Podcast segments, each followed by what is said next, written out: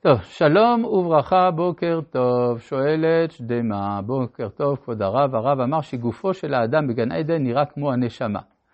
אם כך, איזה גוף היה לאדם לפני שנלקח לגן עדן? תודה רבה. כלומר, מה זה העפר שמן האדמה ושאחר כך הוכנס לגן עדן? הכוונה, השורש של המעורבות של הטבע. ולכן כשהוא מגורש מגן עדן, הוא נשלח אל האדמה אשר, לעבוד את האדמה אשר לוקח משם. אז מה זה לוקח משם? לא שהוא היה עשוי מאדמה כמו אצלנו, אלא שהיסוד הטבעי התערב בחלק הגופי שלו. שאלה שנייה, לכבוד הרב שלום, בשיעור האחרון הסביר הרב כי יש נשמות שמקשיבות לנחש ואוכלות מעץ הדעת, חוטאות ונופלות לעולם שלנו ומתכסות בכותונות עור, לידה. האם משתמע מכך שתחילת דרכו של האדם היא בחטא דומה לנצרות? מה המשמעות של נשמה חוטאת ומה ההשפעה של החטא עלינו? לא, זה בדיוק הפוך מהנצרות. זה בא לומר שהחטא שיש בלהיוולד איננו חטא במובן של אשמה, אלא של נתון שהאדם נפול מן העולם האידיאלי. זה מה שזה בא לומר. טוב, ובכן, אחרי כל זאת אנחנו ממשיכים בלימודנו בספר אה, בראשית, ואנחנו בפרק ג'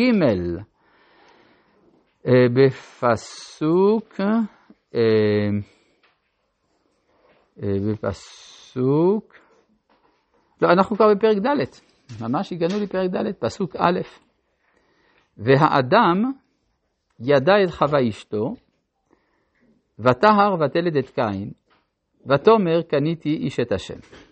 אז כאן מדובר על האדם הראשון ההיסטורי, לא האדם הראשון העדני, אלא מדובר על האדם הראשון שבמציאות ההיסטורית שלנו, וכאן יש איזה משהו ייחודי מבחינה דקדוקית. בדרך כלל בתנ"ך הנושא בא אחרי הנשוא. למשל, ויאמר אלוהים, ויאמר אה, נשוא, אלוהים נושא. וכך בכל דבר. ואז הצורה התקנית הייתה צריכה להיות, וידע האדם את חווה אשתו. אבל כאן כתוב, והאדם ידע, הנושא קודם לנשוא. אומר רש"י שבמקום שהנושא קודם לנשוא, הכוונה עבר מוקדם. כלומר, זה מתאר משהו שהיה עוד לפני זה. כלומר, והאדם כבר, עוד לפני שהגיע לעולם הזה, כבר ידע את חווה אשתו. זאת אומרת שהשורש של הזוגיות המינית איננו דבר שבא בעקבות החטא, אלא משהו קדוש שלפני החטא. כן, כי הרי הנוצרים משתמשים בפסוק הזה כדי להראות שזוגיות זה דבר שלילי. שהרי הם אומרים, אתה רואה, הוא חטא, ובעקבות החטא הוא עוסק באישות. ואילו אה, תלמידי משה אומרים, לא, מה פתאום? האישות, השורש שלה קדום, לכן נקרא המעשה המחבר בין איש ואישה קידושין. יש פה קדושה בדבר. וזה נאמר כאן, והאדם ידע כבר לפני כן את, חי, את חווה אשתו. חז"ל אומרים, עלו למיטה שניים וירדו שבעה. זאת אומרת, שניים אדם וחווה, שבעה אדם וחווה, קין ואחותו, הבל ושתי אחיותיו. מובן שמדובר שמה בשורשי הדברים ולא בחיים הפיזיים שהם רק בעולמנו אנו. נכון, נכון, ברור, ברור, שאדם, כן, כל המדרשים האלה מורים על כך שיש קדושה בזיווג.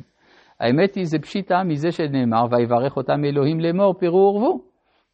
כן. עכשיו, רק שאלה אחת עולה, אז למה זה כתוב באמת אחר כך? למה כתוב נתן מקום חלילה למינים לרדות? כי אצלנו יש שפלות שמעורבת במעשה של האישות. כן, אצל האדם אחרי החטא, משהו מן הבושה מתערב בזה, ולכן זה מצוין גם אחר כך. והאדם ידע את חווה אשתו, וטהר, ותלד. לכאורה, וטהר זה מיותר. אם היא ילדה, ברור שהיא ירתה. כן? בכלל, בכל מקום שכתוב בתנ"ך, וטהר ואחרי זה ותלד, אנחנו יכולים לשאול את השאלה, למה זה כתוב? הרב אשכנזי היה מסביר שמקום שכתוב בו וטהר, הכוונה שהתרחש משהו משמעותי מבחינת התולדות. כלומר, בהתפתחות של הזהות האנושית בהיסטוריה, קרה פה משהו חשוב. אם לא, זה רק ותלד. אבל כאן וטהר, ותלד, ותאמר, קניתי איש את השם. זאת אומרת, עכשיו, ותלד, סליחה, את קין, ותאמר, קניתי איש את השם. לכאורה זה לא כתוב נכון, היה צריך להיות כתוב, ותלד בן, ותקרא את שמו קין. ואילו כאן כתוב, ותלד את קין. כלומר, השם שלו ברור מטבע לידתו. זאת אומרת, הוא נולד קין. למה הוא נולד קין? קין, קניין. זאת אומרת, היא קנתה את זכות הקיום. הרי הביטוי קניתי איש את השם זה ביטוי של שמחה. זה צהלה. מה היא כל כך שמחה? היא שמחה שהיא יצאה מן הקללה. הקללה זה להיות נברא. כי הנברא זה ההפך מלהיות בורא. וכיוון שהבורא הוא הטוב המוחלט, אז אין יותר גרוע מאשר להיות הפך הבורא. הבורא הוא הנותן, הנברא הוא המקבל. ואילו כאן, ותלד, אה, אה, ותאמר קניתי שאת השם, כמו שהקדוש ברוך הוא בורא, אף אני בוראת. ובמובן הזה היא יצאה מן הרוע של הזהות של הנברא, כי עכשיו היא שותפה לבורא במעשה הבריאה. ואתה אומר, קניתי איש את, את זה עם, עם השם. ולכן אפשר לומר שבמובן הזה קין הוא הגואל. הוא הגואל את אדם וחווה מלהיות מקבלים, והוא הפך אותם להורים. במושגים יהודיים, קין הוא המשיח. כלומר, הוא הראשון שמועמד להיות הבן אדם. למדנו הרי שהקדוש ברוך הוא ברא אדם, המשימה של האדם זה לברוא את הבן אדם, כינויו של המשיח בכמה מקומות. על בן אדם אימצת לך, זה נאמר על המשיח. אז אם כן, קין הוא המשיח הראשון, והוא יודע על עצמו דבר מאוד חשוב, הוא יודע שהוא מרכז העולם, מטבע מציאותו. וזה מעמד שלא דורש ממנו שום אחריות. עצם קיומו זה כבר מה שנותן משמעות לעולם כולו. ממילא, אה, מובן שהוא לא צריך שום דבר מחוץ לו. לכן הקושי העיקרי שלו יהיה האחווה. להיות האח של מישהו, זה מהפך את המעמד שלו ממצב של בן למצב של אח. הבן הוא המרכז, האח, אז המרכז מחוץ לבן. זאת אומרת, אה, כששואלים למשל ילד, אה, כמה אחים יש לך? אז הוא יכול לענות, יש לי אח אחד. ולאח שלך, כמה אחים יש לו? אין לו. כלומר, אה, אדם באופן ראשוני רואה את עצמו כאגוצנטרי. מסביב לו סובבים דברים. הוא לא יכול להכיר באופן ראשוני שהוא סובב מסביב למישהו אחר. ולכן האחווה היא מנוגדת לטבע הראשוני של הבכור. מלכתחילה. וזה מה שכתוב אחר כך, ותוסף ללדת. לא קורה פה שום דבר חדש. אין, אין הריון, כנראה שהם היו תאומים.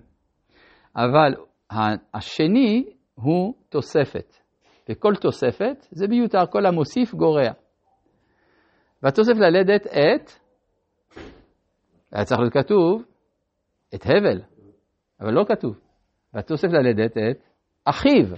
זאת אומרת שהבל הוא קודם כל האח, והוא מיותר את הבל, הבל הבלים, זה מיותר לגמרי, לא צריכים אותו. אבל מה זה אומר על הבל? מה הבל יודע על עצמו? הוא יודע על עצמו שהוא שני, שהוא שני לראשון, ולכן אצלו האחווה מובנת מאליה. אז המשימה שלו איננה האחווה.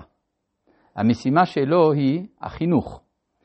ויהי הבל מחנך, כך כתוב, נכון? ויהי הבל רועה, רועה, רועה זה מלשון רעות ומלשון אחריות, כלומר הרועה הוא אחראי על הצאן, זה, זה הנטייה הטבעית שלו להיות רועה צאן, וקין היה מרותק אל עצמו, עבד לאדמה, כתוב כאן עובד בלי ו', עובד אדמה, אם כן, יש לו מה שמתאים לאופיו. עד כאן.